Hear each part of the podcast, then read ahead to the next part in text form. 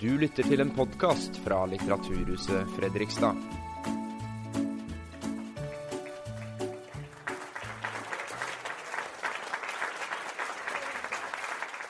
Hjertelig velkommen, alle sammen. Eh, velkommen hit til Litteraturhuset Fredrikstad. Eh, veldig fint og hyggelig at så mange har funnet veien for å, for å høre litt om eh, en by som vel for så vidt ingen er ekspert på, Knut Olav Åmås. Velkommen til deg. Tusen takk. Du er iallfall en større ekspert enn jeg er. Ja, kanskje. Jeg har jo, jeg har jo et visst forhold til byen, selvfølgelig. eh, Men, eh, men eh, det er jo en veldig stor by, og det er jo en veldig uh, mangslungen by. Så, så etter å ha bodd her i tre år, så kan man jo i hvert fall ikke kalle seg ekspert da heller. Men du har jo også et nært forhold til New York, Knut Olav. Åmås. Jeg må nesten nevne at Knut Olav han, da, han er jo da daglig Han er jo hva heter det, administrerende direktør Ja, noe sånt. noe sånt, Ja. i stiftelsen Fritt Ord. Eh, som også er en av de solide bidragsyterne her på huset. Eh, men også vært statssekretær og spaltist, eller unnskyld, kultur, debattredaktør i Aftenposten. Kultur og debatt, ja. Ja, nettopp. Sånn var det. Og så er du veldig interessert i eller du, er, du har et veldig nært forhold til nyår. Kan du fortelle litt om det først, før vi går i gang? ja. Vi hadde jo et arrangement om eh, byen Wien, eh, var det nå i vår? Ja. Eller, ja. Det, det, som jeg også har skrevet en bok om, og der har du også bodd. Så det, det er jo utrolig fint å ha en litteratursjef som eh, er ekspert på alle temaer som jeg kan eh, komme hit med, iallfall. Nei, jeg har jo besøkt eh, New York eh, på jobb og fritid i 20 år. Jeg kom dit første gang i 99, og så har jeg bodd der opptil et halvt år for å skrive, skrive ferdig eh, bøker, bl.a. denne, men også en biografi som jeg skrev om Olav og Hauge. Det, og det kan høres litt rart ut å reise til Manhattan for å gjøre ferdig en 750 siders biografi om en poet uh, fra Ulvik i Hardanger. Men det var, nettopp, det var nettopp poenget. Jeg måtte lengst mulig bort fra Ulvik for å gjøre den ferdig. Så jeg satt der på Universitetsbiblioteket på Columbia da, med stilebøkene til Olav og Hauge fra 1920-tallet og skrev. Eh, og, og i denne verdensbyen, som virka så veldig kjent første gang jeg kom dit. Altså, det slo meg. Men dette har jeg jo sett før, tenkte jeg. Men her men dette, dette vet jeg om. Alt røyken som stiger opp fra undergrunnen og eh, de gule taxiene. Det slo meg da at New York har en veldig billedkraft, eller ikonisk verdi. da. Eh, alle som er i dette lokalet, har antageligvis eh, veldig mye å kjenne igjen når man kommer til New York første gang. Og det jeg liker med byen, er at, eh, er at den, eh, man, kan plukke, plukke det beste av alt. Eh, altså ikke at det trenger å være dyrt eller eksklusivt, men man, man finner det man leter etter, enten det er kunst og kultur eller, eller mat og drikke. Eller urbane opplevelser og kulturkrasj av eh, beste slag. Det kunne vært spennende å, få se en liten håndsopprekning av mange som har vært i New York før. Eh, ja, halvparten. Det er jo kanskje flere, så de andre halvparten har kanskje lyst til å reise, så det passer Ja. jo bra. Ja, Hvis ikke flyskammen tar de, da. Men eh, ja eh, Går det an å spørre hva New York betyr for deg, Knut Olav? Ja, det, det er jo det er, Når man har vært et sted to-tre ganger per år over 20 år, så, så, så får man jo mange minner, opplevelser fra byen. Sånn at den blir på en måte en liten del av ens egen biografi. da. Med venner eller jobbkollegaer av forskjellig slag.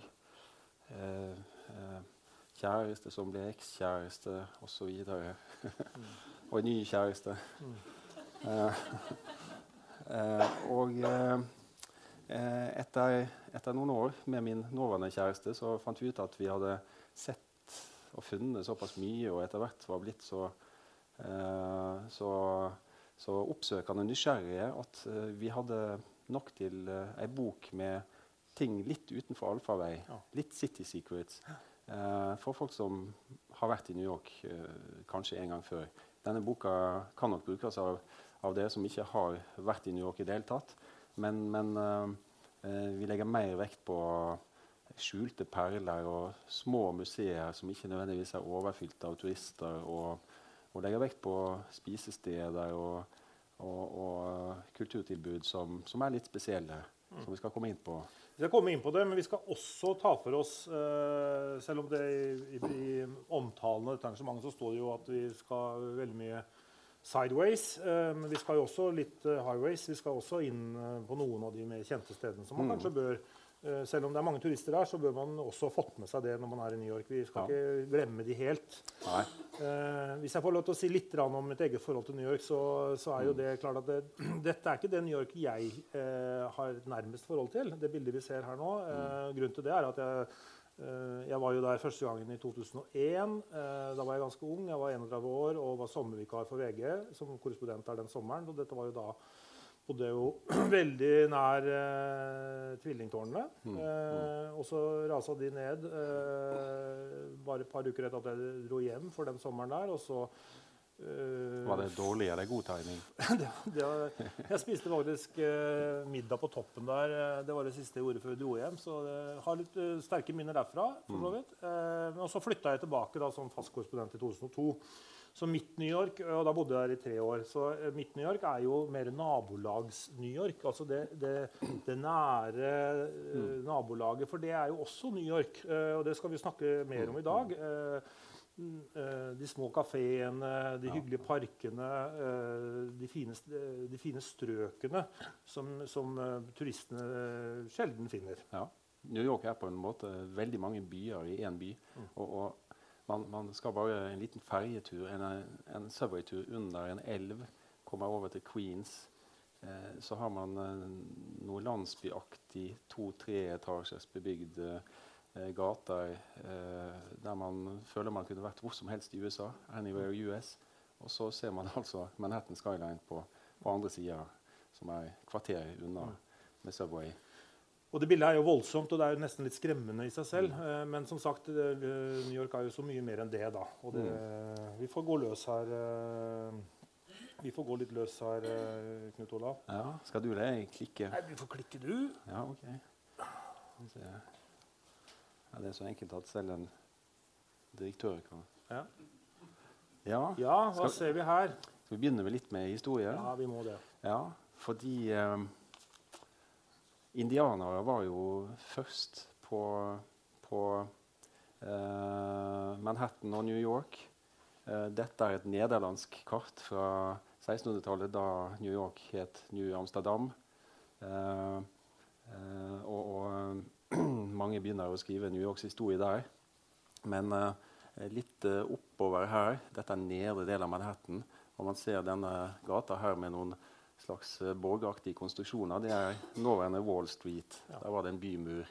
Og så er det sydspissen av Manhattan i dag. Og rester av det fortet står vel fortsatt? Helt. Det står fortsatt. Ja. Men uh, oppover her slynger det seg eh, en, en lang gate, et gammelt kutråkk, som, uh, som i dag er kjent som Broadway. Ja. Og dere vet jo at gatemønsteret i New York er jo delt i de, de loddrette avenyene kjempelange fra nord til sør. Ja. Og så da alle gatene, streets, fra, fra øst til vest. Uh, og, og, på den måten så er det jo veldig enkelt å manøvrere i New York. Men, uh, og det er flere gater, ikke minst langt nede på Manhattan, som bryter med det mønsteret. Men uh, Broadway bryter veldig med det ved at den slynger seg skrått oppover langs nesten hele Manhattan. Visste du forresten hva, hvordan han har fått navnet sitt? Broadway? Nei, Broadway den er jo ikke særlig brei. Nei, eh, nei. Ja, kanskje, ja. Det er jo faktisk et nederlandsk navn, det også. da, De Brode Weg. Eh, mm. Så det er også et arv fra hollenderne. da. Mm. Eh, mm. Men, eh, men eh, nede i dette området her, som da selvfølgelig Wall Street, da, der er navnet Wall, selvfølgelig. Ja. Eh, dette var jo til vern for, for urinnvånerne. Ja. Eh, så vil man jo finne man Kanskje ikke noen bebyggelser fra 1600-tallet, man vil finne bebyggelser fra 1700-tallet. Sånn, så mm, dette er mm. historic district da, i, i, New York. Mm. ikke et sted som blir rent ned av turister, akkurat. Bortsett fra kanskje det området som da ligger her oppe ved World Trade Center. Uh, men, men, går man nedover her, så vil man mm. finne veldig mange koselige små uh, smug og strøk uh, hvor man plutselig reiser litt tilbake i tid i New York. Mm. Så det ja. kan være verdt å reise helt ned på sørtuppen av øya. Ja. innimellom de rådyre forretningsskyskraperne så, så fins det noen bevarte trehus fra tidligere århundrer. Ja. Og, og uh, Arkitektkontoret Snøhetta, som gjør veldig suksess i Nord-Amerika, som også har gjort noe i New York, som vi skal se, har kontor der nede og ser rett, rett uh, syd på, på sjøen. Mm. Men uh, indianerne som var her uh, før europeerne kom, det var Algon Quinn og Delaware indianere. De holdt til ikke minst nede på Manhattan, men også i Bronx og Queens. Den første kjente europeer som kom til New York, var, var en italiener, Giovanni di Verazzano, 1524. Og eh, det fins både en bro og et strede, Verazzano Narrows, som er oppkalt etter han. Um, så i 1609 oppdaga, eller gjenoppdaga da engelskmannen Henry Hudson området. Han leta etter nordvestpassasjen til Østen uh, og seilte opp uh, det som i dag kalles Hudson River. og, og kom da ikke til Østen, men til, uh, til Albany, hovedstaden i delstaten New York i dag. Um, um, så begynte i 1625 byggingen av dette Fort Amsterdam. Um, og det var da nederlenderen Peter Minuit kjøpte hele Manhattan fra indianerne, fra den lokale urbefolkningen, eh, 1626 for eh, 60 gylden. I dagens pengeverdi ca. 8000 kroner. Cirka 8000 kroner. Mm. Uh, og, og, dette var jo også da et så frekt kjøp, fordi det er senere blitt argumentert med og diskutert at indianerne ikke skjønte da konseptene kjøp og salg og overdragelse av eiendom og områder. Så at de rett og slett ikke forsto hva avtalen gikk ut på. Men nederlenderne nederlanderne overtok iallfall. Og det fortsatte med nederlandske guvernører. Men 40 år etter dette frekke kjøpet så overga um, en guvernør som het Peter Stuyvesant uh, hele kolonien til engelskmennene uh, uten kamp fordi de hadde så mye større styrker. Og de uh, engelskmennene endra da navnet fra New Amsterdam til New York etter The Duke of York, som senere ble kong James den andre, tror jeg. Mm. Og da har vi jo, har vi jo faktisk uh, en liten link til Norge der også, for uh, byen York i, i England. Ja. Det er jo en uh, delvis norsk navn. Jorvik. Mm -hmm. så, vi, så, vi, kan ha ja, litt, Så det er litt, litt norsk litt dette norsk også, altså? Ja. Mm. ja. det er bra. Nei, uh, Engelskmennene utvikla da New York som et veldig viktig handelssenter utover på 1700-tallet. Mm, også dessverre kjempeviktig senter for slavehandel. Eh, Eh, New York var faktisk den nest viktigste slaveby i, i, eh, i, i koloniene. Hadde flere slaver enn noen annen by, unntatt Charleston i Sør-Carolina. 40% av familiene og husholdningene hadde slaver i 1730. Eh, Litt seinere på 1700-tallet ble da New York eh, USAs formelle hovedstad. Eh, og, det er ikke så mange som vet. Nei, nei, Var den lenge det, eller? Nei, det var vel fem-seks år, kanskje. Ja, noe sånt, okay, ja. Av... Og George Washington ble innsatt uh, under en seremoni som den første presidenten i USA på, uh, i, i, noe som heter Federal Hall på Wall Street. Mm. Så, Der står det en statue av ham også. Ja. Mm. Så utover 1800-tallet ble New York USAs viktigste handelssenter, og, og hundretusenvis, millioner av immigranter begynte å komme fra Europa fordi man hadde hungerkatastrofe i Irland. man hadde man hadde eh, folkevekst og mangel på, på, jord og mat i andre deler av Europa også. Og eh, det var flere hundre tusen nordmenn som også, også utvandra. og veldig mange fra Fredrikstad? Ja, nettopp. Og mye fra Vestlandet, der det var små bruk som ikke så lett lot seg dele opp. Men eh, veldig stor innvandring fra sentrale Europa, Europa og kontinentet også. Veldig mye fra Tyskland på, på slutten av 1800-tallet. Og Sentral-Europa, Øst-Europa. Um, de siste tsarene sto jo for en del jødeforfølgelser, pogromer, uh, på slutten av 1800-tallet. Og, og, og, det var kimen til uh, New York som en veldig jødisk by. Det bor mer enn 1,5 millioner jøder i New York i dag, av til sammen 9 millioner mennesker. Dette med, dette med immigrasjon er jo et tema som, eh, som er veldig aktuelt i dag også. I, i, både, i, både, i, New York, for så vidt, men, men, mm. men, mer i USA. For friksjonsfritt var det jo ikke den gangen heller. Eh, så neste bilde vil vel eh, ja. Det er jo Vi må nesten filmen. nevne denne filmen her. Ja. Mange av dere har kanskje sett den, men uh, hvis dere ikke har sett den, så bør dere kanskje gjøre det. Uh, og dette er jo Martin Scorseses uh, en av de klassiske filmene til Martin Scorsese fra 2002 som heter 'Gangs of New York'. Mm. Og den tar jo for seg akkurat den perioden Knut Olav snakker om nå. Mm. den kom jo mens jeg bodde borte, så og den personen i midten der den, den, Det er jo Daniel Day-Lewis som spiller hovedrollen, og fikk vel Oscar for den, så vidt jeg husker. Mm. er jo da Bill the Butcher, som tilhørte en av disse fryktelige ja, De var jo fryktelige, disse gjengene som da herja i New York på 1850-1860-tallet. Mm. og Han tilhørte Bower Boys. Eh, men du hadde jo mange andre grupperinger også. Eh, og dette var jo, han tilhørte jo denne nativist-grupperingen. Altså de som ikke ønsket innvandrere til, eh, til, USA. Og spesielt var det irene som var disse, og katolikkene som var, som var hovedmotstanderne. Og uten for mange paralleller til dagens president i USA, så vil jeg si at det, det, det fins jo på en måte denne eh, Amerika for amerikanere. Den, den, er ikke helt ny. Den har vi hatt hele tiden. Mm, mm. Eh, så den filmen er verdt å se, eh, og den er historisk ganske korrekt. Mm, mm. Men noen friheter har jo Scorsese selvfølgelig tatt seg. Men, men, filmen utspiller seg jo da i, i, i dette området som mm. som, som, som, het Five, five Points. Mm. Mm. Som, som, som, er som en slags knyttneve. Mm. Eh, og det er jo det, omtrent der hvor Little Little ligger i dag. Eh, så, så, det var jo også da senter for veldig mye av de opptøyene og slagsmålene og ja, ja. brutaliteten i New York. Det var jo en veldig brutal by, det må, det må vi si. Ja. Veldig god film, men ve veldig, veldig voldelig. og Kriminaliteten uh, var jo også prega New York veldig uh, helt fram til 1990-tallet. På 70- og 80-tallet var jo på en måte bunnperioder i New Yorks nyere historie.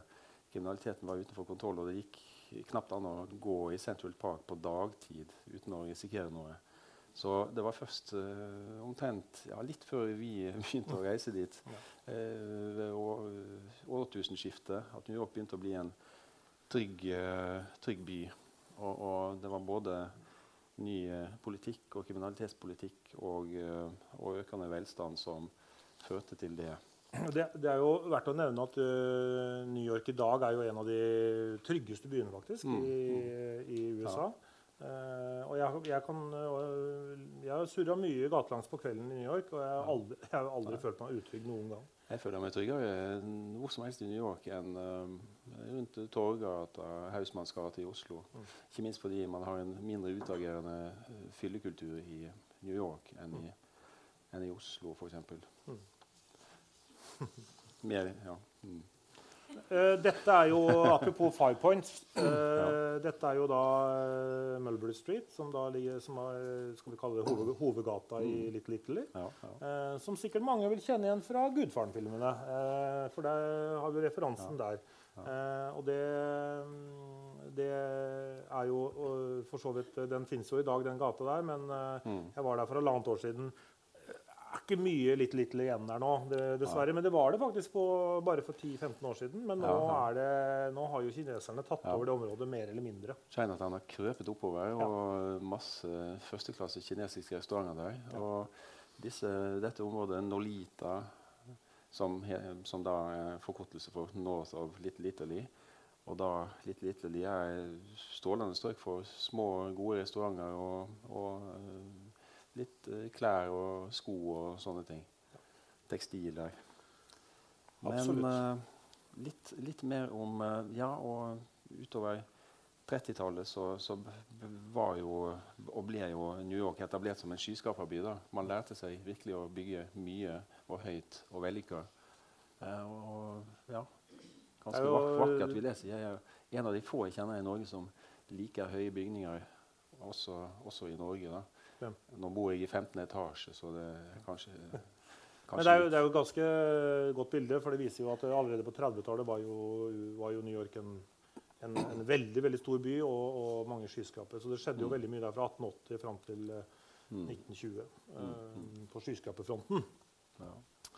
Og man bygger fortsatt høyt, eh, som vi så av startbildet. Ja. Veldig høyt fordi eiendomsprisene er så ekstreme. Jeg leste i nyhetene bare for noen dager siden at uh, en av verdens høyeste bygninger nå ble bygd ved Central Park. Den har ikke jeg sett, men, uh, men eh, den var jo over 400 meter høy. Mm. eh, med bare lu- luksusleiligheter. Så det, det, det bygges fortsatt høyt i New York. Mm. Men la oss ta et blikk på helheten av byen. New York består av fem store bydeler, boroughs. Og, det er da Manhattan, Bronx, Queens, Brooklyn og Staten Island. Eh, Ni millioner innbyggere til sammen. Eh, og det på et område da som er bare 789 kvadratkilometer landareal. Eh, Fredrikstad har jeg funnet ut på, på nettet har 300 kvadratkilometer Så vi er halvparten landareal. så store. Ja. Halvparten så stor som, som, som New York. Eh, de, fleste, de fleste nordmenn som kommer til New York, eh, blir jo på Manhattan, eh, kanskje til Brooklyn. Det, men som vi skal komme inn på, det er mye, mye å oppdage i Queens og Bronx også. Ja. Ikke så mye på Staten Island, men eh, det har vært en ferjetur. Koster bare en dollar eller to. Litt avhengig av hvor mange dager du har til rådighet. Ja. Ja. Ja, vi hadde en måned da. Så. Dessverre så var vi der under orkanen Sandy høsten 2012. Og jeg jeg min kjæreste til, og vi, vi måtte jo ha noe research der, og vi hadde bare to dager igjen. Så vi var på ferjetur uh, til Staten Island eh, under orkanen Sandy. Jeg fikk en del kjeft, men vi kom jo tilbake, da. men det var litt dårlig timing. Men det er artig. Jeg- Kjenner du bakgrunnen for uh, navnet The Bronx, uh, Knut Olle? Eh, jeg har hørt det, men dette husker du. Ja, det husker Ja, jeg. Fordi, Ja. Er det noen her som vet det? Det, er, eh, det var nemlig et, en, dette, i det, det området, Dette var jo bondelandet eh, Ja, ja. på tidlig 1800-tallet. Men der bodde det en svensk godseierfamilie Ja. som het Bronx. Eh, så da reiste man til The Bronx på søndagstur. Eh, man dro på besøk til familien The Bronx. Og der er navnet The Bronx. Så da vet man det. Mm. Ja. Og i forhold til flyplassene som det kommer til, så ligger Newark i New Jersey ligger eh, borte der til venstre. der. Og så ligger eh, Kennedy-flyplassen ligger lenger her ute på eh, ja, Ja. eh, ytterkanten av Queens der. Mm. Men eh, eh, ni millioner mennesker i, i, i byen da, og man ser inndelingen av distriktene, bydelene på Manhattan her. Eh, og man snakker om eh, eh, Midtown, som er en del kvartaler eh, rundt nord og sør for 42. gate. Og så har man downtown her, Lower Manhattan. Og alt som er nord for parken her og oppover til nordspissen av Manhattan, er uptown. Og, og eh, uptown og downtown eh, ja, det, det, det står jo på alle Subway-stasjoner, slik at man iallfall vet hvilken retning Retning, ja. banen går i. 9 millioner i New York, men over 20 millioner i det større byområdet. da. Ja, så det er fortsatt en av verdens største byområder, eh, selv om det, mange kinesiske byer har gått forbi. Ja. Og ganske kosmopolitisk by. 37 av eh, alle som bor i New York, er, er født utenfor USA. Mm. Og Tidligere var det mye europeere, som vi var inne på. Eh, italienere, tyskere, folk fra Sentral-Europa. Nå er de utenlandskfødte mer fra Asia, altså Kina f.eks. Uh, og, og fra andre deler av Amerika, altså Mexico, Jamaica, Ecuador, Haiti. Mm. Eh, så mer innvandring fra Mellom- og Latin-Amerika. Så er det jo sånn at veldig mange som reiser til New York, og som bare er noen dager, de bruker jo den nedre delen da, eh, sør for parken mest. Og det er for så vidt eh, greit, det, men, men eh, glemmer kanskje det som eh, både. Upper West, eh, West Side og East Side er jo veldig flotte områder, ikke minst parken. Og Harlem har jo også vært et besøk. Det skal vi komme tilbake Mm, til. det skal vi. Hvor bodde du i New York selv? Jeg bodde på? Upper East Side, eh, rett innenfor reservoaret som du ser der. Den store innsjøen som ligger der. Så, så noen gater inn der. Så det var kjekt å bo i nærheten av parken og kunne Mm, både gå og mm. løpe og være der. Og det Så du løp rundt ja, det er Jackie Onassis Reservoir? Eller? Der løp du hver morgen? Ja, og, og litt rundt. Det jo, eh, det kan jeg jo nevne nå, det, jo, det, det går jo en grusvei eller en, en slags eh, rundløype rundt hele, eh, hele Central Park. Den er akkurat en mil lang. Så, så det er en flott løpetur hvis man, Mm, hvis man drar dit. Det, der kan man ikke løpe feil. Man løper seg ikke bort i Central Park. Nei. nei. Kan, um, apropos jeg kom på dette med å løpe rundt Jackie Onassis Reservoir. Det heter det hun hadde leilighet på Fifth Avenue like ved så lenge hun levde. Em, men em, apropos dette med løpet. Jeg kom på at i denne boka her, så for å skøyte på eh, vår egen eh, manglende kunnskap, så har jeg og Knut, som har skrevet denne sammen, eh, har bedt 10-12 eh, mennesker som har vidt forskjellig forhold til New York, om å, om å skrive om hver sine favoritting. Og det er flere østfoldinger med. Eh, Vebjørn Sand skriver om ølsteder. Ari Behn skriver om eh, steder å møte uh, tvilsomme individer som styrer byen med penger eller makt. Nå ble jeg overraska, gitt. ja. Ingen klisjeer blir bekrefta her. Men uh, den som skriver, skryt, snikskryter litt av sin, egen- sin egen løping før frokost, det er Jonas Gahr Støre, som, som uh, forteller at han da klokka seks hver morgen han er i New York, tar drosje til uh, dette Jackie Onassis-reservoaret og løper rundt da. Så tar han drosje tilbake igjen til, hotell, til hotellet.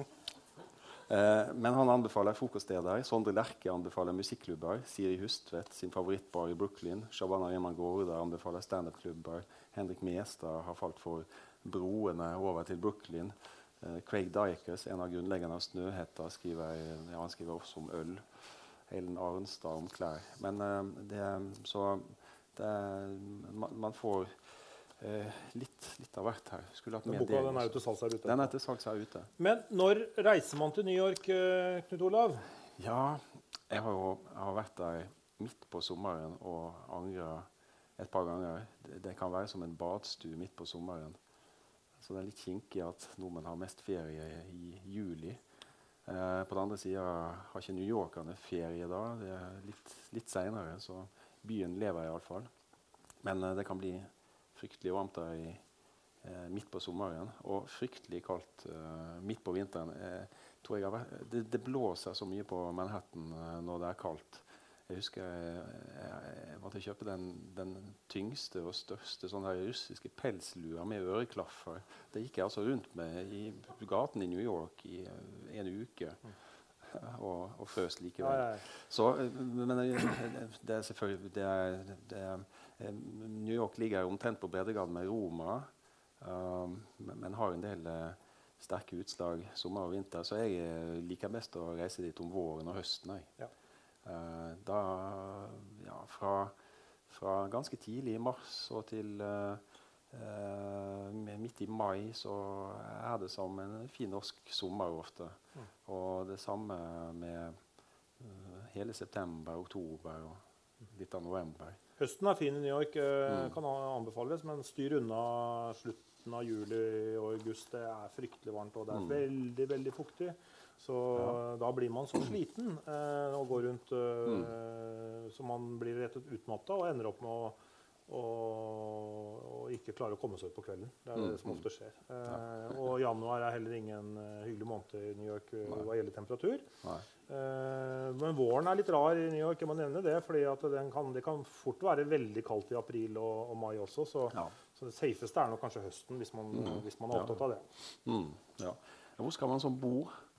Ja, altså, jeg har ikke greie på sånn uh, Airbnb. Uh, det er jo rike muligheter for Jeg har gjort det et par ganger, Ja. det har vært veldig vellykka, det. Ja, ja. Eh, så det er jo som Mm. overalt ellers. Det må man sjekke hvem man leier av. Både Airbnb og Uber er stort og pålitelig og sikkert i New York.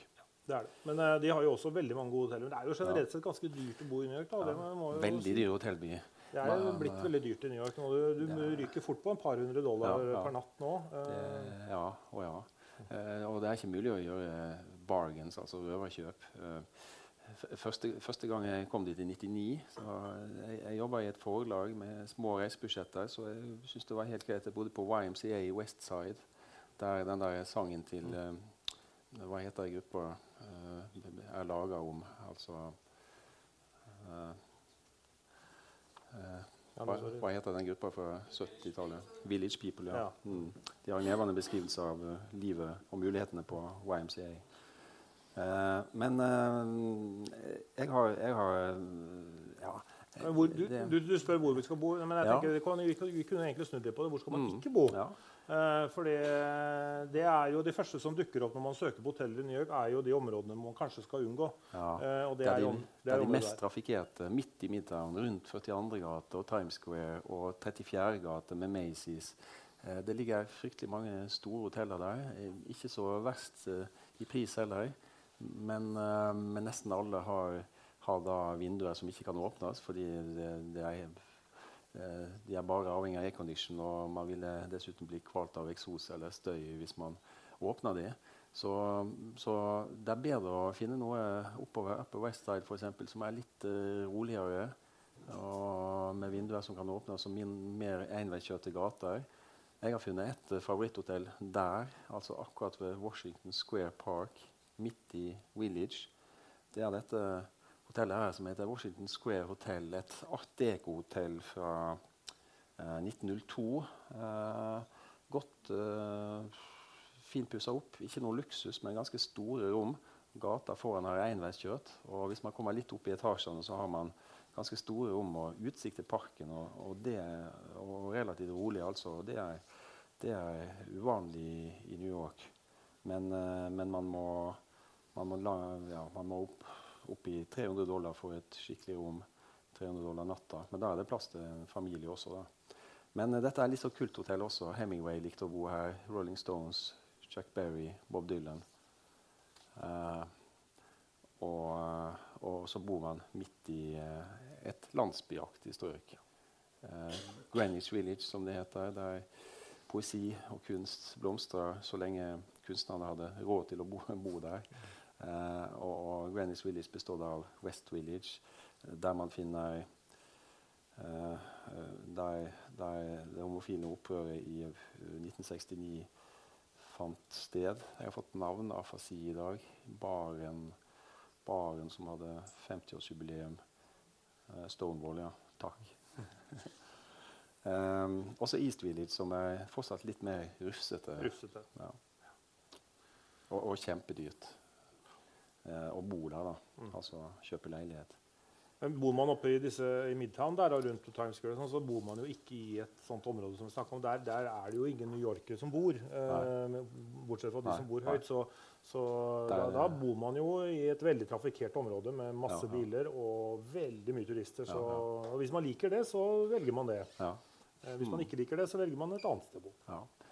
Jeg har alltid likt hoteller med vinduer som går an å åpne, selv om det er aircondition der. Mm. Men eh, hvordan skal man komme seg rundt? Jo, eh, med Subway, f.eks. Uh, uh, som, som, er, som er litt slitt, men veldig bra i New York. Uh, New York har jo litt sånn gammel infrastruktur både når det gjelder varme og vann. Og, og denne undergrunnen den er jo over 100 år gammel, ikke sant?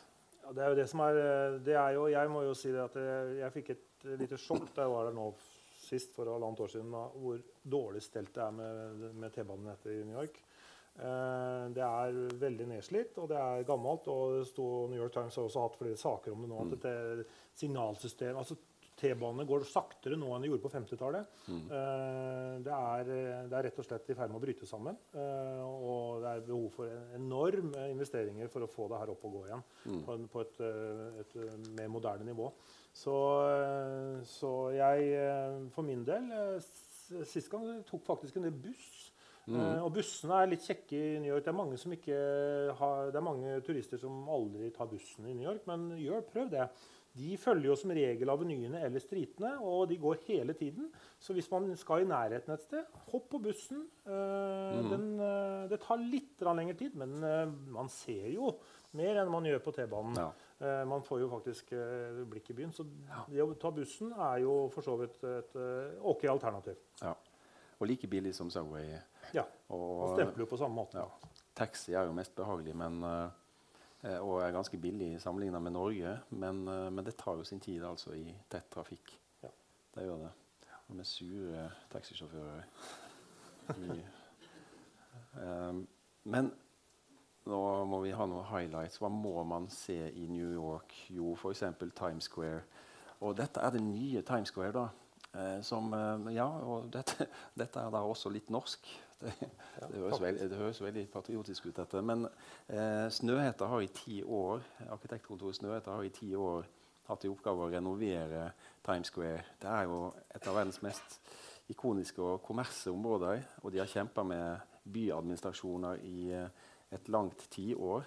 Og det er begrensa hva det er mulig å gjøre der. Men de har, de har rydda litt opp. Vi burde hatt et bilde som viste det for 20 år siden. De har rydda litt opp i det visuelle.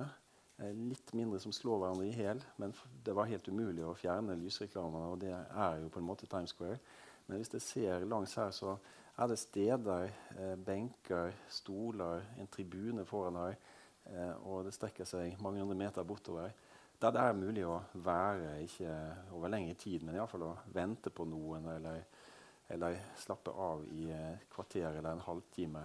Så dette er et av Snøhettas store prosjekter i New York. Eh, og, og um, utemøblene um, er fra det norske møbelfirmaet Vestre, som også har laga møbler mange steder i Norge. På Utøya, på Aker Brygge og, og kanskje rundt omkring her også. En, kjempesuksess. Så det har blitt et litt mer menneskelig sted. Det er jo gøy da, når man, man er i New York første gangen, å være, ja. være på Times Square, selvfølgelig. Ja, ja. Eller, jeg jeg syns fortsatt det er gøy å være der. Det, man, det er jo fascinerende. Jeg bare nevner en liten ting. Knut Olav. Omtrent sånn rett bak den tribunen her, litt oppi mm, bak her, så, så, ligger det jo en billett, uh, billettstasjon. Uh, eller en billettkiosk hvor man får kjøpt uh, rab veldig rabatterte billetter mm. til uh, teater og en del forestillinger i New York. Ja. Gjerne kveldens forestillinger som da ja. uh, ikke er solgt, som selges på halv pris, og, og noen mm. ganger under det også. Så hvis man skal slå i hjel noen timer på kvelden, så kan man jo gå dit og kjøpe ganske billige teaterbilletter. Mm. Men også til musikaler og den slags. Da, så, mm. så, det ligger jo da på, på, på Times Square. Mm. Ja.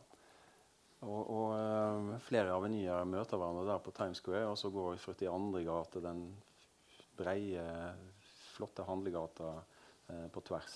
Mm. Og Times Square er oppkalt etter avisa New York Times, som, som holdt til her tidligere. Holder til like i nærheten nå. Og så kan vi bevege oss uh, Ja, shopping er jo også ikonisk New York. Den øvre delen av Fifth Avenue opp mot parken med, med eh, Saks, Fifth Avenue, Bergdorf, Goodman også, og eh, alle de eksklusive store kles- og klokke- eh, og skomerkene. Eh, Soho med, med, like eksklusiv shopping, men flere mindre butikker. Og, og flere andre og så, har du, mer den herrevarianten der, da, mm, ja, ja. Eh, hvor alt er samlet på ett sted, og hvor du kan gå inn og handle og bli ferdig på en uh, par ja, timer. Eh, som jeg liker å handle på. Men der inne får, finner man også ganske mange Men det er litt mer kjente merkevarer, og det er kanskje ikke så spennende, men, men effektiv handling kan man gjøre der, i hvert fall. Og hvis man er ute etter å overkjøpe Century 21, sånn ja, massesalg av merkeklær Der får man jo det, det, Dette ligger jo like ved Mange av dere har sikkert vært der òg. Dette ligger like ved World Trade Center. Eh, ja. Det var jo like før den bygningen eh, gikk også, men, ja, ja. Men, eh, men, de klarte seg. Der inne eh, Dette er jo rett og slett en slags outlet. Eh, mm.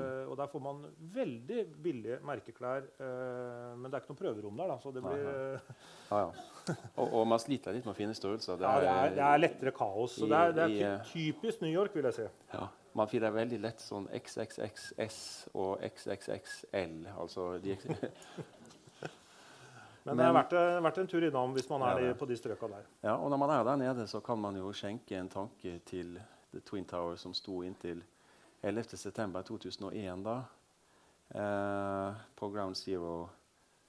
Eh, og som i dag et av fundamentene for en av bygningene blir markert på på ja. denne måten. Dette er, jo, dette er jo nesten vanskelig å, å, mm. å, se dimensjonene her. Men dette ja. er altså da fotavtrykket til det ene tårnet, og det er jo to sånne der. Eh, ja. Og det er jo det er ganske sterkt, faktisk. Eh, veldig enkelt laga, eh, dette minnesmerket. Men, mm -hmm. men, men, dette er vann da som renner ned fra siden, som du ser nede i det hullet. Så det, det, er, um, det, det, er, noe man bør få med seg. Ja, og her ser man noen av de nye, nye bygningene, ikke minst dette um, um, Freedom Tower? Ja, Freedom Tower, ja, som er den høyeste.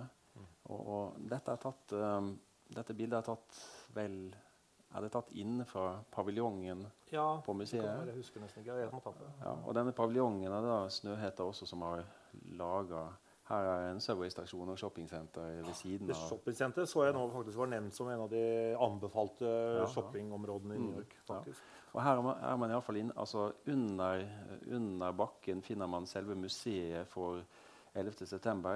Et uhyre sterkt museum. Også disse årene etterpå, der man finner bilder og uh, lydinstallasjoner og rester av flyene og osv. Og, og forbudte bygningsdeler. Og her to, to, eh, to bygningsdeler fra, fra en av eh, en av høyblokkene. Og dette er da tatt inne fra denne paviljongen på, på bakkeplan som, som Snøhetta har designa.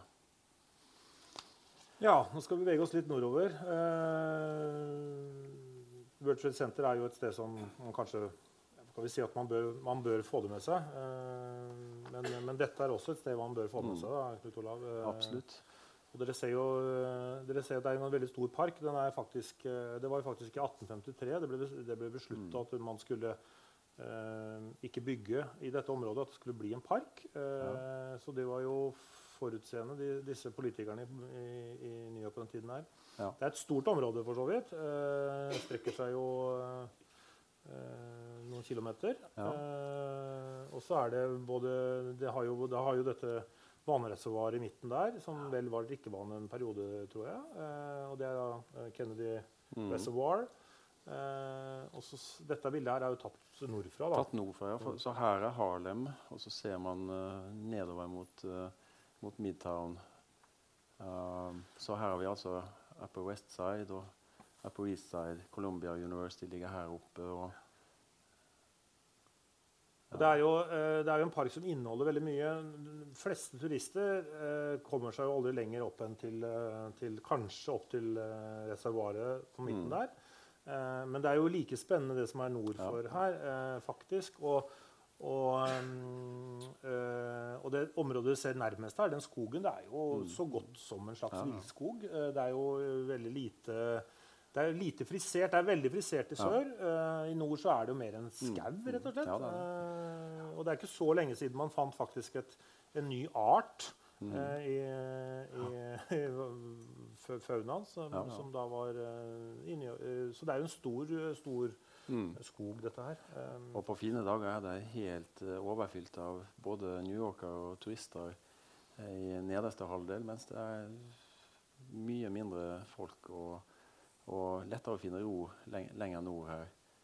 Og, og disse delene av Harlem som ligger nærmest parken, er også blitt uh, trygge. og ja, Så til de grader trygge at de er kjempedyre. og uh, bare velstående mennesker som kan kjøpe noe der. Så det er ikke lenger fattigstrøk for På ingen måte. Og det er jo, det er jo ikke så altså Det ser jo, det er klart det er, det langt, men det er jo ikke, altså, la oss, kan det være en 4,5 km ca.? Kanskje, noe sånt noe, fra, Så det er jo fullt mulig å gå ja. gjennom hele parken og, og ende opp i Harlem og ta T-banen ned igjen. Det er en, en veldig fin tur, det. Ja, ja. Så finner man små borganlegg. eh, Dette er jo inni buskaset midt i Central Park så finner man dette Det ser ut som en middelalderslott, og det er det vel også ment å se ut som. Eh, men dette er da blitt kalt for Belvedere, apropos vin. eh, Ja, ja. Men eh, dette heter faktisk Belvedere. Det, Mm.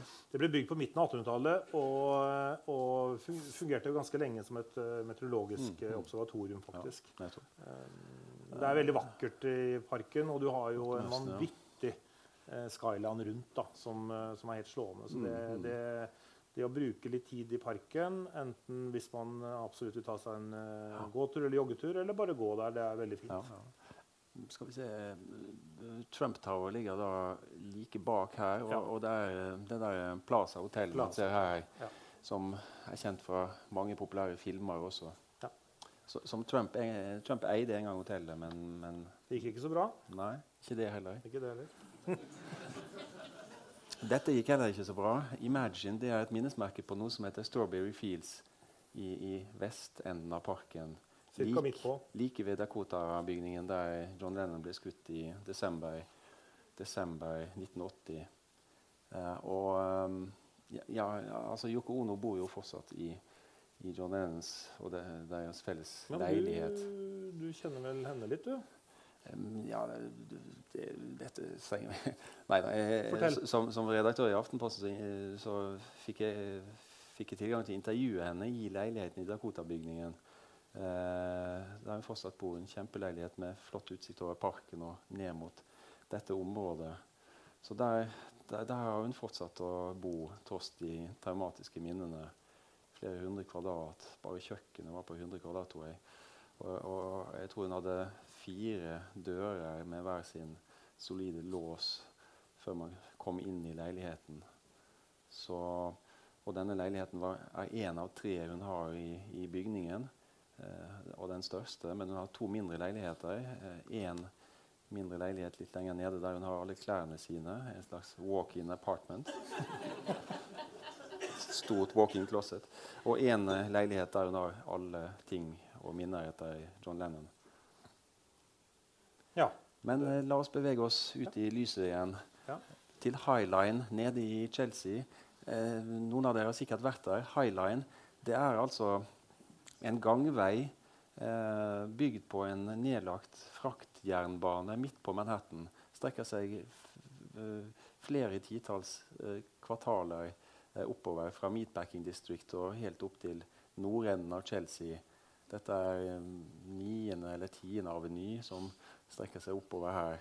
Og så kan man altså gå i ganske mange kilometer opp uh, uten trafikk, bare med fotgjengere, mellom bygninger og med Det finnes visstnok 200 plantearter på, på denne highline, som det heter, som har eksistert i noen få år. Og det fins benker og liggestoler og, og eh, noen enkle serveringssteder. Og da 15-20 meter over gatene og avenyene. Eneste som og her ser man man kan til og med sitte på benker og rett over trafikken. Eneste som ikke er lov på, på Highline, er å komme med bikkjer eller, eller å røyke. Altså, ja, det er vel mye annet som ikke er lov også, men i, i alle spesielt Ja. Så Ja. Wall Street, ja. ja, Mm. så speeder vi litt opp med en liten rekke med andre must-sees. Wall Street og børsen, Stock Exchange. Ja, man kan det jo er jo like ved World Trade. Center, så hvis man Ja. er i de strøka, så er jo ikke det mer enn bare en ti minutter å gå. Nei. Og så kan man se Statue of Liberty hvis man er ved, ved Hudson River. Uh, og, og man kommer også uh, Ja, man kommer ikke i land der, men man kommer til Ellis Island. Eller Jo, man kommer i land der. Kommer i land der, ja. Jeg har ikke der. Circle Line, som vi kommer til etterpå, Ja, stopper vi også Nettopp, der. Mm. ja. Så Man kan også til og med gå opp i er det, det er vel oppe i Ja, hodet, ja, ja. hodet på Ja, det var en restaurant oppe i uh, hodet på Frihetsguden der, ikke sant? Ja. faktisk. Det er ganske svære saker, da. Dette var er jo en gave for Frankrike som ble bygd på 1880-tallet, tror jeg. Ja. Ja, ja. Men, eh, var det sånn, Kom ikke en del av eh, kobber eller noe sånt fra Norge? Jo, det stemmer. Så, Eh, Her, The Flat Iron Building, strykejernbygningen. Eh, sikkert fra sent 20- eller tidlig 30-tall. Eh, mm, den ligger ja, i sydlige del av Midtown, litt nord for The Village. mm.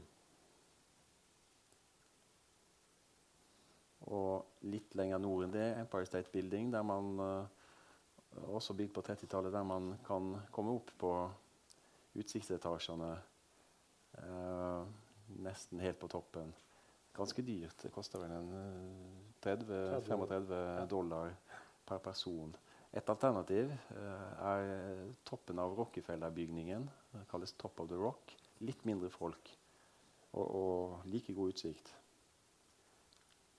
Her kommer man vel ikke opp. Det er en av dine favorittbygninger. Roy. Ja, jeg synes den er veldig fin. Eh, den, ligger jo, den ligger jo nede i Den er vel så, ja, så godt Mm. som i Financial District, så Ja. ganske langt sør. Eh, men dette var altså verdens høyeste bygning i mange mange år. Og ganske høy. Du altså kom fra 1913 og er altså 241 meter. Mm. Og dette er jo før man begynte å bygge disse veldig stramme skyskraperne. Som dere ser, så er det jo en del ornamenter og Mm, ting og mm. tang. Så den, eh, den, er, den er en flott, uh, flott skyskraper som, Ja, ja. som minner litt om, om eh, tidligere tider. Ja. Og noen liker denne også. Dette er Trump Tower på Fifth Avenue, der. Trump har en leilighet over flere etasjer. Kanskje han skal tilbake snart? Ja, tror nok det kan bli noen år til. Ja. Men eh, eh, Og det fins flere Trump Towers på Manhattan. Det fins bl.a. Et, et som er hotell også. Eh, Brooklyn Bridge over fra Manhattan til Brooklyn med, med både bil og Subway og gang, gangmuligheter. Og sist i denne must see-rekka eh, Met, fasaden på Metropolitan Museum, et av verdens største museer med skulpturer og kunst og, og alt man kan tenke seg. Og også fascinerende American Wing, der man får en levende innføring i amerikansk kunst og historie. Og Ja. man får husinteriører fra både vanlige innbyggere og, og, og andre. Det- Dette ligger jo, eh, dette ligger jo ca. midt på Central Park på Mm. østsiden. Uh, så dette er jo veldig, veldig flott museum. Det er, men det er massivt. Da. Det er jo sånn Louvre-takter over det, så man må jo ha veldig god tid. Eller bare bestemme seg for en, en seksjon man skal Mm. se på. For alt vil man ikke rekke den på én dag. Nei. Men et godt tips er jo for så vidt på andre siden, tvers over parken, så ligger jo eh, Naturhistorisk museum. Mm. Det er jo også verdt eh, et besøkt veldig, veldig artig sted. Og spesielt hvis man har med seg kanskje barn og unge. Mm. Eh, vil nok tro, at mange av dem syns det er litt mer spennende. Mm. Eh, men der er det jo et stor dinosaurutstilling annet, og Mm, mm. en del andre ting. Så veldig, veldig mye, mye å se. Ja. Men uh, Metropolitan-museet er en passende overgang til litt om kunst og kultur. Ja. Og her vet man nesten ikke hvor man skal begynne. Bare nevne noen ting først. Uh, uh, New York har jo Carnegie Hall, som, som ikke har et fast orkester, men der verdens fremste orkestre og, og solister kommer. Leif Ove Ansnes er en av de som har spilt der. Og man har den andre Metropolitan, altså The Met Opera, som er, som er fabelaktig, og New York City Opera. Eh, og New Yorks eget filharmoniske orkester, som er et av de beste i USA. Eh, jeg har vært på mange konserter med dem, men den største opplevelsen er noe som heter eh, åpne prøver, open rehearsals. Der man eh, stiller seg i kø om morgenen og betaler en 18-20 dollar for en billett, og får da seter som samme kveld koster 250 dollar eller 300 dollar. Eh, og bruker da morgenen og formiddagen på å se orkesteret i arbeid med, med dirigenten i hverdagsklær under de siste prøvene. Eh, og, og de spiller stort sett gjennom programmet, men stopper litt opp av og til. Men eh, det, det gjør jo ingenting. Man får se et kjempegodt orkester i, i arbeid eh, og får sitte på riktig god plass for nesten ingenting. Så hvis man da står i kø sammen med pensjonister og studenter Det er pensjonister, studenter og turister stort sett. Det ligger jo helt på hjørnet av Central Park, Central Park, ja. eh, på, på vestsiden. Ja. Sørvestlige hjørnet. Avery Fisher. Ja, ja. Ja. Der ligger konserthallen og de to operaene. The Met og Også veldig mye god jazz der. Ja, det er det. Ja. Eh, og kino er der også der. Ja. Så eh, Men det fins musikklubber. New York er jo en stor jazzby. Man har Birdland og Blue Note og Cotton Club og, eh, og, og nyere ting enn det også, da. Ja. Og um, poetry, slam ja. eh, er det jo mye av. Standup-klubber. Stand Og vi har jo, vi snakka litt om det på forhånd, om vi skulle på en måte gå inn på hver enkelt av dem. Men det er klart, det Mm. skifter jo også ganske ofte. da, så det, det som var eh, hot og bra for halvannet år siden, det kan hende at det ikke fins i dag lenger. Så der har jeg et godt tips. eh, Mm. og Det er å kjøpe, det første dere gjør når dere kommer til New York, er å kjøpe et Time Out Magazine, eh, Mm. som da tar for seg alt som skjer i New York den neste uka. Eh, og da vil det være, få, veldig mange gode tips Mm. til, til alt mulig rart. Eh. Også mindre klubber og teater og den slags. Eh, alternativet er jo også da kjøpe New Yorker, som Mm, er eh, litt mer kondisjonert blad. mm. Eh, for det er litt mer finkultur, men der står det også mange gode tips og anmeldelser Mm, videre på, Mm. på alt fra små til store eh, ting som skjer. Ja. Eller New York Magazine er også Ja, en ja, mulighet. ja. Så, så Vi har nevnt et par kjempemuseer og kjempeinstitusjoner, men det fins en del mindre museer som er blant New Yorks eh, fineste perler. Her er noe som heter Morgan Library and Museum. det er da en gammel bo borgervilla. Eh, det var en som het Pierpont Morgan, en av USAs fremste industrialister, som grunnla General Electric, som fortsatt vel eksisterer. Som, som uh, anla en grandios villa ja, ikke så langt fra Empire State uh, Building, litt, litt, sør for den. Og, og, det har i dag blitt uh, museum for billedkunst og, og, bøker og trykte ting. her finner man masse originalmanuskripter av Dickens og lord Byron og noter etter Wagner og Brahms. Og, og arkitekten Renzo Piano, som bl.a. tegna eh, eh, som har bl.a. tegna eh, Astrup Fearnley-museet i Oslo, eh, har et flott tilbygg. Og, og et av høydepunktene i eh, Morgan Library Museum er, er, noen spesielle trykksaker. Det finnes i verden i dag ca. 50 eh, av de originale Gutenberg-biblene, og tre av disse finnes på, på eh, Morgan Library. Og én av de er til enhver tid alltid eh, utstilt. Men det finnes andre spesielle museer også. Her på Lower Manhattan vi har vært inne på all innvandringen til USA. Her er noe som heter Tenement Museum.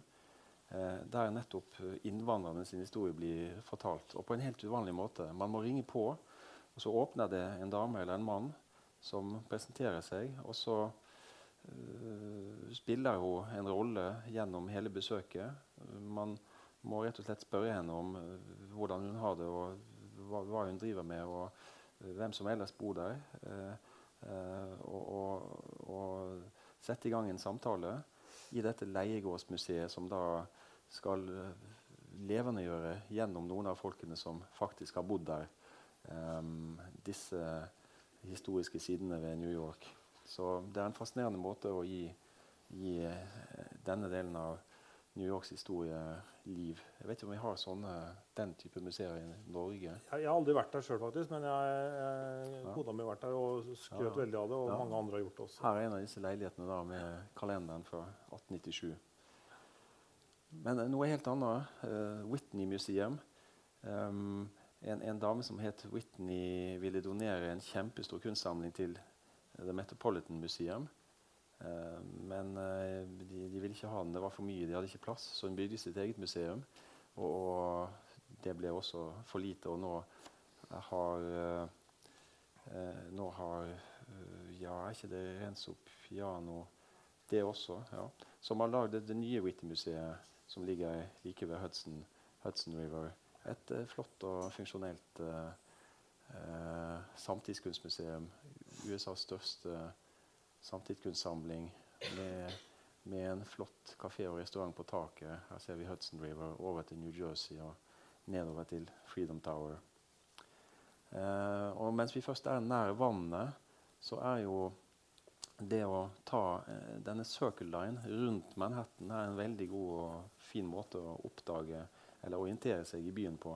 Da bruker man altså en, tre timer eller noe sånt til å seile med en slik båt rundt hele øya. Og få da sett alle deler av Manhattan fra sjøsida, og også Brooklyn og Bronx. Det er ulike linjer. Noen går, ja. uh, går rundt øya, og, eller delvis rundt øya, og ja. noen går av og ut til, til Frihetsgudinnen og ja. Ellis Island. Uh, ja. Og så kan man jo være litt uheldig med været, sånn som jeg var sist. Uh, ja, det er det, ja. ja. Ser man så mye. ja, akkurat. Og det, og det fins uh, egne cruise med spesielle temaer. Hvis man er interessert i arkitekturen som man ser fra eh, East River og Hudson River, så kan man ta noe litt mer eksklusivt. Har man, eh, har man, skikkelig god råd, så går det jo an faktisk å ta helikoptertur mm, også. Jeg tenker, ikke så dyrt.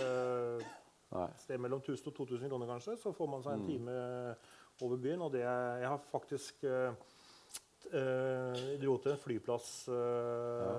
utafor New York, og da tok vi småfly over New York. Uh, betalte ikke rart for det heller. Men det var jo en mektig opplevelse å se denne byen veldig uh, litt fra oven. da. Ja, ja. Jeg syns det er bedre å se den fra sjøen. Men visste du forresten at det er en nordmann som driver et av de mest lukrative helikopterfirmaene på Nedre Manhattan? Ja. Jeg leste en reportasje om han. Ja for ikke lenge siden. Fly, fra, fly forretningsfolk fram og tilbake på jobb? Ja, Det gjør de også. Ja, ja. Men nå må vi slutte med det. Ja. denne Norwegian Connection Men dette, er jo, alle dette, bildet er jo fra Ellis Island. Da. Ja, det er fra Ellis Island. det, det er jo det er klart, Har man god tid, uh, absolutt verdt å ta en tur ut der. Dette er jo da ankomstsenteret for alle immigrantene. Mm, mm. Eh, de blir jo skyfla ut der og, og helsesjekka, og noen ble sendt tilbake der de kom fra. Eh, men de fleste slapp jo inn da, og, og noen ble da skyfla videre til Minnesota og, og delstatene. Så, så dette var jo rett og slett eh, Amerikas Ja. eh, ankomstpunkt Ja. fram til 2030-tallet. Ja. Men la oss ta en liten tur rundt i byen. Uh, vi har et kvarter igjen nå. Uh, liten tur rundt i byen, som det heter i sangtittelen. Eh, vi var i nærheten her i sted. Dette er Washington Square Park, der det hotellet som jeg anbefalte spesielt, ligger. Fantastisk liten park med sin egen triumfbue. Og så går Fifth Avenue oppover fra andre sida av den triumfbuen. Og her er det folkeliv eh,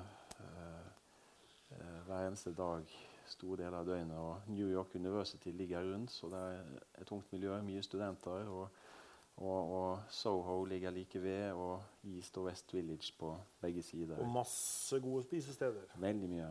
Ja. rundt her. Hva skal man ellers gjøre? Man kan gå. Gå, uh, gå opp og ned uh, avenyer, bort gater. Det er jo en fin måte å oppdage New York på. Uh, um, vi anbefaler f.eks. å gå 100 kvartaler langs Broadway. Det har vi gjort når vi lager denne, denne guiden. Og uh, f.eks. langs Broadway fra begynne langt i nord og så se hvor langt sør man uh, orker å, å gå. Og det er litt av hvert å, å se. Eksempel kan man oppdage noe sånt som dette. En liten trekant som ble til overs der to avenyer møtes. Den ene er Broadway, den andre er Western Avenue, tror jeg. Så ble det en liten trekant av en tomt til overs.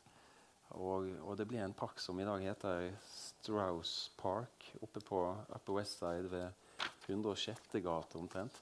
Og det er en helt spesiell historie som er litt, uh, som er litt fin. Det er et lite monument, uh, en liten skulptur der. For i en av nabobygningene her bodde et ektepar, Isidor og Ida Strauss. Jødisk ektepar, eh, og han var en av hovedeierne av Macy's, det store varemagasinet på, på Herald Square rundt 34. gate. Eh, de, de var ofte i Europa deler av året, og vinteren eh, 1912 hadde de vært i Europa. Og, og hadde da greid å kjøpe noen av de beste billettene eh, tilbake til New York fra Southampton med Titanic i eh, eh, april 1912. Og vi vet hva som skjedde. Eh, eh, men eh, Isidor, altså mannen, eh, fikk, eh, fikk tilbud om å gå sammen med kona si i en livbåt, en av de første livbåtene, men han nekta. Han ville ikke gå før de andre mennene eh, fikk evakuere. Og, og kona Ida eh, kunne når som helst gå om bord i en av livbåtene, men nekta også hvis ikke mannen fikk være med. Og det eh, nekta jo han også, iallfall på det tidspunktet. Så, eh, så resultatet ble at de, de begge eh, ble om bord.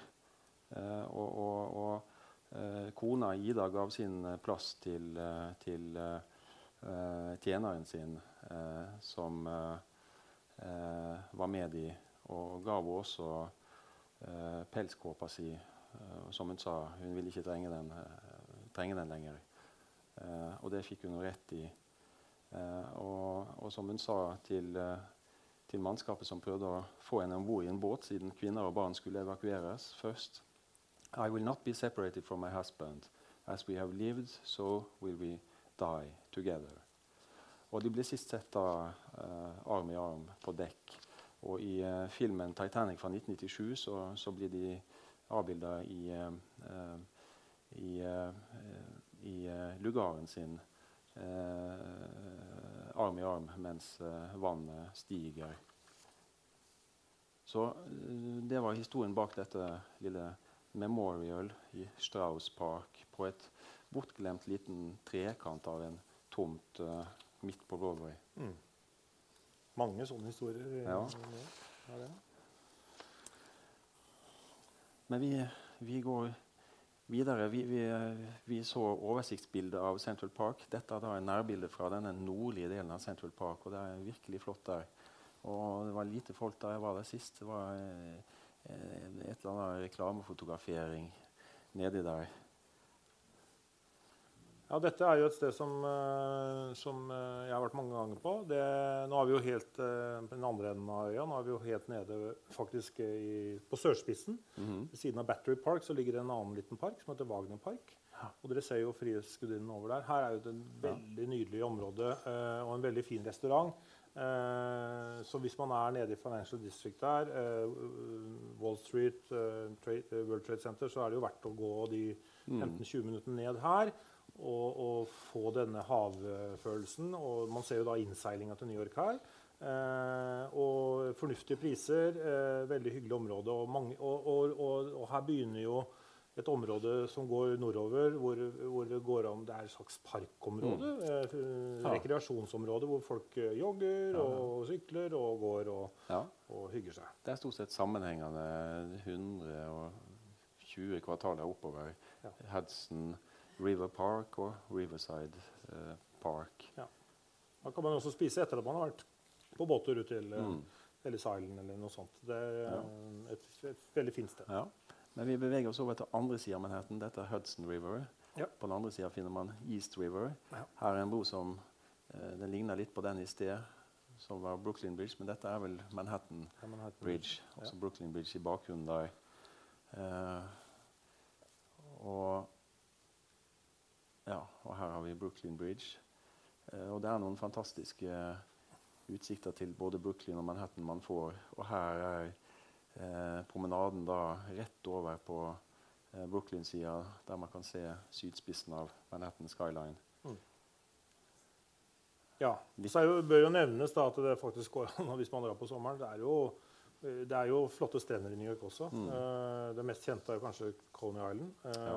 Mm. Som det- ligger like ved her. Det er like ved her, men dette er jo et morsomt strøk. Uh, Du kunne ikke vise det i dag, men, men eh, New York Times hadde jo nettopp en svær svær feature-artikkel mm. om Brighton Beach. Jeg har vært der, så eh, det er et veldig spesielt strøk. For dette er et, dette er et eh, strøk hvor veldig mange russere, ukrainere, hviterussere bor. Eh, så dette er jo som å reise nesten til Øst-Europa. Eh, helt utrolig. Det er, det er som å komme til en helt annen verden. Å Gå inn og se den artikkelen i New York Times. eh, utrolig fine bilder herfra. Og det er jo så du ikke skal tro du er i New York. Eh, og der er, der er det russiske skilter eh, overalt osv. Så, videre. så det er et eh, artig sted å Mm, kanskje reise vekk hvis man har lyst til det. Og kan man jo bade også. Ja. Eller nyte nattelivet. Dette er vel omtrent ved Ja, dette er Williamsburg. Ja. Mm. Det har jo vært et eh, trendy område nå i mange mange år. Jeg vet ikke, Det er kanskje litt på hell nå. Det er jo, dukker jo stadig opp nye områder som, som er på vei opp. eh, men dette har jo liksom vært trend, kanskje det mest trendy området i, i New York de siste, ja, siste ti åra i hvert fall. Mm. Da jeg bodde der, så var det i ferd med å bli det, men da var det jo fortsatt ganske rufsete der. Men nå, Mm. jeg var der sist nå, så var det jo litt sånn som Soho eh, har blitt. Eh, veldig dyrt Mm. og veldig trendy. Og kanskje et sted man Ja, da begynner man å se seg om etter andre områder igjen. Mm. områder igjen. Ja. Fins andre muligheter for å komme seg ut av, ut av Manhattan, ut på sjøen. Eh, Ferjeterminalen her helt sør på Manhattan kan man komme over til det man ser i bakgrunnen der, Governors Island. Her er vi ute på Governors Island, som, som da har eh, historie fra den nederlandske tida og senere engelskmennene. Bare noen få minutter med, med ferje så kommer man ut eh, og kan gå eller sykle. Det tar en halvtime å gå rundt denne lille øya med gamle militæranlegg som i dag er museer og restauranter. Og så har man sydspissen av Manhattan uh, i bakgrunnen. Og det er ikke så mange år dette har vært, vært et godt tilbud. Jeg var der første gang for et par år siden. Uh, og eh, mye folk i helgene, men ikke, ikke så mye ellers. Her ser vi hvor tett det er, og ferjeterminalen rett i bakgrunnen der. Og virkelig, virkelig fint. Mm. Fem minutter fra Manhattan. Men det har man mulighet til også her. Her har ikke jeg vært, faktisk. Har du vært Nei, på jeg, Roosevelt Island? jeg har til og med bodd der. Ja, Eh, For det var faktisk eh, var en litt artig historie. Men i 2002 så var det jo journaliststreik. Eh, Så når jeg skulle reise bort på sommeren 2002 for å finne meg et sted å bo, så fikk jeg ikke lov, for vi var jo i streik. Eh, Så når høsten kom og jeg skulle flytte over, så hadde jeg jo ikke noe sted å bo. Men Eva Brattholm eh, skulle akkurat flytte ut av leiligheten sin i New York. Og den lå på Roosevelt Island. Det er denne øya Ja. dere ser her, som ligger ute ja. i East River. Mm. Så jeg som ikke hadde vært så mye i New York, sa jo ja takk og flytta dit. Ja. Og det var jo et av de dummeste det, Dette er jo egentlig Ja, ja, det kan du si at det var kanskje ikke tilfeldig at det havna her, men dette er jo en øy som egentlig var for, for sinnssyke i sin tid, eh, som man kalte det den gangen. Som mentalsykehus og den slags. Men, men det er jo et uh, område som, uh, som eh, det, det er en del blokker og sånne nå, men jeg flytta derfra ganske fort. Men det som er verdt å nevne, er jo denne kabel, eller denne taubanen som går over. Da. Eh, Den, den går jo ikke så høyt som det bildet her, men den følger omtrent Whitsborough Bridge, som dere ser her. Eh, du får jo et fantastisk eh, overblikk over New York der også. Det koster jo ingenting. Eh, så det kan jo være en liten kjekk tur hvis man er og handler på Bloomingdale, som ligger da like ved hvor den kommer inn da, på Manhattan-sida. Ja. Og så kan man ta en sånn ferje over til Staten, Staten Island. Eh, veldig billig, 20, 20 minutter eller noe sånt. Som er den femte borough, da. Eh, litt landsbyaktig, rødhetteaktig landsbybebyggelse. Men uh, ingen store attraksjoner, så da må man ha litt god, god tid og være litt sær. Ja. Men vi skal ikke være sære, for de to siste punktene våre nå er shopping og spise og drikke. Uh, I en uh, fei shopping. Jeg nevnte, nevnte ekteparet Strauss, som altså var hovedeier av Macy's, som, som er et av de finere department stores i, i New York. Det er jo et veldig stort uh, kjøpesenter, Uh, og der finner man, finner man jo for så vidt alt. Uh, men det er jo et gammelt bygg, og det bærer jo Jeg syns noe av sjarmen med å gå på Macy's er jo nettopp rulletrappen der. Det er jo, Dette er jo faktisk fra 1902. Det er tre, Ja, ja, i tre. Eh, Og jeg tror jeg leste en artikkel nå nettopp at det er det eneste som er igjen i New York. Av De gamle trerulletrappene som kom i sin tid. Ja. Så det er jo en liten, eh, et lite smykke, det. Ja, men Macy's er litt, litt billigere og litt mer folkelige butikker enn enn i den øverste delen av Fifth Avenue f.eks. Ja. Uh, eller oppe på Upper East Side, som er, som er virkelig, Ja, for det-. For Det er jo kanskje verdt å nevne, fordi at Fifth Avenue der er det jo en god del turister. Men der mange, mange turister ikke går, er jo da på Madison Square, eh, unnskyld, Madison Avenue. Eh, og der finner man jo disse veldig eksklusive butikkene. Eh, som, eh, hvor, det er, eh, hvor folk, Der står det jo lim, Limousinene pleier jo å stå lina opp der på, på torsdag og fredag. Eh, for da kommer de fine fruene og skal handle. Så, ja. og der er det dyrt. Ja. Eh, skoshopping i Soho. Her kan slitne menn slappe av. Eh, eh, South Street Seaport det er New Yorks Aker Brygge på en måte. Gamle maritime miljøer med seilskuter fortøyd på havna. Veldig flott strøk. Atskillig mer rufsete enn Aker Brygge er blitt. Eller man kan ikke shoppe kjæledyr, men iallfall vindusshoppe kjæledyr. Ja, de selger jo, Det er jo Ja. faktisk sånn i gjør. Ja, ja, men noe- som turist uh, Nei, kanskje ja, ikke turist. Dette er dyrebutikk rett ved siden av Stonewall. Ja. men hva skal man spise og drikke? Her eh, kan man f.eks. gå på marked eller mathall. De finnes her i Chelsea og flere andre steder. Eh, ta med seg eh, noe godt i parken eller spise der. Uh, New York er, er god, på, god på sånne litt, litt mindre mathaller. Eh, eh, Det er klart at eh, det blir jo fryktelig dyrt å være i New York lenge og spise på restaurant. både, og ofte er det jo ikke frokost inkludert heller Mm, på, på hotellet. Så, så det er klart at det her er jo en fin mulighet å gå Mm. og, og ta med seg Ja. mat fra et sånt uh, matfall. Mm. Uh, og det fins utrolig mange gode lunsjsteder i, i New York. Og, og noen av de beste delikatesseforretningene som fortsatt er billige sammenlignet med Norge, altså Whole Foods og Chitarella, der kan man kjøpe med seg de lekreste ferske ting, eh, varmt eller kaldt, og, og ta med seg i parken f.eks. 6, 7, Eh. 8, 9, 10 dollar. Ja. det er nesten umulig å gi noen restauranttips i New York fordi det er så mye av alt. Vi, 60 000 Ja. restauranter. vi har anbefalt en del ting her som holder seg ganske bra. Eh, veldig bra ting som ikke er spesielt dyrt. Stort sett ikke. Men uh, New York er jo en stor, kj- kjempegod pizzaby, blant annet. Ja, denne, denne bør vi kanskje nevne. Da. Det Ja. sies å være den eldste. Uh, og det tror jeg nok kanskje den er også. Den, den, den har jo hatt et, et avbrekk på 80-tallet. Men, Mm. men dette er jo da en pizzeria som fikk en lisens for å selge pizza i 1905. eh, Men den ble faktisk åpna allerede i 1897. Den lå riktignok eh, et kvartal lenger bort da, men dette er Lombardis, Lombardi, som ligger i Little Italy, et av et av de få stedene som fortsatt eh, ja, Mm. Ja. kan, kan kalles originale da, mm. i Little Italy. Ja. Så det er et fint, fint pizzasted. Her er bare et bilde av utsikten fra Time Warner Center på Columbus Circle. Og så finner vi altså Central Park som strekker seg oppover der. Og, Trump Tower og Plaza Hotel borti hjørnet der. Men her, her eh, er det butikker, men også et hotell som heter Mandarin Oriental, og med en fantastisk lobbybar. Dette er litt lavt nede i etasjene. Utsikten er enda bedre.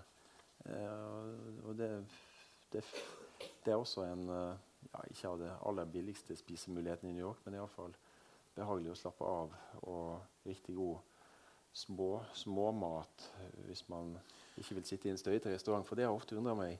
Eh, det er nesten umulig å finne en restaurant i New York som ikke har en helt umulig akustikk. Og, og jeg har hørt eh, fra folk jeg stoler på, at man planlegger restaurantene sånn. Altså New Yorkere vil ha den øredøvende støyen når de er ute og spiser. Eh, da, da, hører, da vil jo ikke folk på nabobordene høre hva man sier da, men man hører jo heller ikke hva folk på ens eget bord sier. Men kan du bekrefte Ja, det kan denne bekrefte. historien? Ja, det er, Også at det er eh, mørkt og støyete. Men, Man- eh, men eh, du har jo alternativer. Ja. forrige bilde var du på en diner, og det er også et ja. Neste. Og, Ja. og det, er- det er tipset. Altså, hvis dere har hotell som ikke har frokost inkludert, så sjekk nøye hva frokosten på hotellet består av, og om det er verdt det. For det kan være like lurt å, eh, eh, å gå rundt hjørnet på en diner eh, med god stemning og kjempegode amerikanske pannekaker eller eh, egg og bacon og eh, ja, sannsynligvis billigere også enn hotellfrokosten. Og sannsynligvis ofte, ofte bedre. Og er jo, dette er jo en av de klassiske. Den ligger på Upper West Side. Mm, ja. Den, eh, Og en av mine favoritter i New York ja, den lå jo eh, like jeg bodde, men dette er jo bagels, bagels, er jo, er jo Mm. virkelig Ja. eh, noe newyorkere kan. Det er jo egentlig en jødisk eh, Ja, ja. bakverk, er det ikke det? Jo, jo. Jo. Eh, og denne ligger på til første og andre Mm. aveny, og der er det kø. Ja. Ofte kø for å få kjøpt seg bagels, men her får Ja. man også med pålegg. og sånn, så det er veldig, Ja, ja. Hvis man er der, da. Er der. Man kan kjøpe de uten noe og ta de med, eller, eller kjøpe de påsmurt med norsk laks eller Philadelphia-ost. Eller, eller det er godt med Mine favoritter er cheddarost, kraftig cheddar, eller, eller, eller peanøttsmør med syltetøy, som er veldig bra. da. Det er veldig godt. Ja. Men da er vi, da er vi grunnen i havn, mette. Vi har brukt tida. Det vi har gjort, ja. Jeg har lyst til å si en ting, kanskje. Det, det, jeg har jo, da jeg, sånn, etter å ha bodd her i tre år, hatt masse besøk fra Norge. Folk som har kommet og bodd og skulle vært i New York noen dager. Og det mange gjør feil, er at de skal gape over altfor mye på en dag. Mm. Eh, så det må jo være et generelt reisetips. Ja, ja. Ta ikke eh, også, en, også Nettopp fordi de skal gape over alt mulig på en, i løpet av en dag, så ender de opp og kommer tilbake fem-seks-tida, sju-tida med masse poser og handla. Og så segner de om i sofaen, og så er, det, er den dagen ødelagt. rett og slett. Altså Kvelden er ødelagt fordi de har ikke krefter igjen. Så man må være litt forsiktig, når man er inne, for det blir veldig mye gåing. Det er Mm, veldig mye støy og bråk og larm Ja, ja, og den slags. Eh, Så man må ta seg gode pauser og kanskje ikke gape over for mye. Ta for seg ett område av Ja. gangen. Og, og New Yorkere er har jo rykte for å være mindre vennlige enn eh, andre amerikanere. Fordi eh, det er en stress, stressende by, og man blir litt eh, kantete når det er så mye folk og så lite plass. Men uh, sammenligna med skandinaver og nordmenn så er jo New Yorkerne likevel kjempehøflige og tar hensyn. og Skumper ikke borti og sier unnskyld. Og, og er nysgjerrige og vennlige mot andre. Og Det opplevde jeg en gang i Harlem. Jeg hadde kjøpt noen nye joggesko eh, som jeg ikke brukte så mange ganger etter det. fordi Selv i dagslys så kunne de ses på en halv kilometers avstand. De var selvlysende neongule. Og, og, og, jeg fikk da tilrop når jeg gikk gjennom hallen, som har mye kult i joggesko. Men eh, den gulfargen vekte oppsikt, og jeg hørte gjennom lufta Sir, I like your shoes. cool color. Og det minner meg om noe vi skriver i forordet til guiden min. her, Noe som karakteriserer New York. Overraskelsene og gledene. Det var noe Madonna en gang sa om byen New York. Jeg savner New York. Jeg elsker hvordan folk snakker til deg på gaten. De bare griper tak i deg og forteller deg hva de syns om den flotte nye jakka di. Nå har du hørt en podkast fra Litteraturhuset Fredrikstad. For mer informasjon, klikk deg inn på litthusfred.no.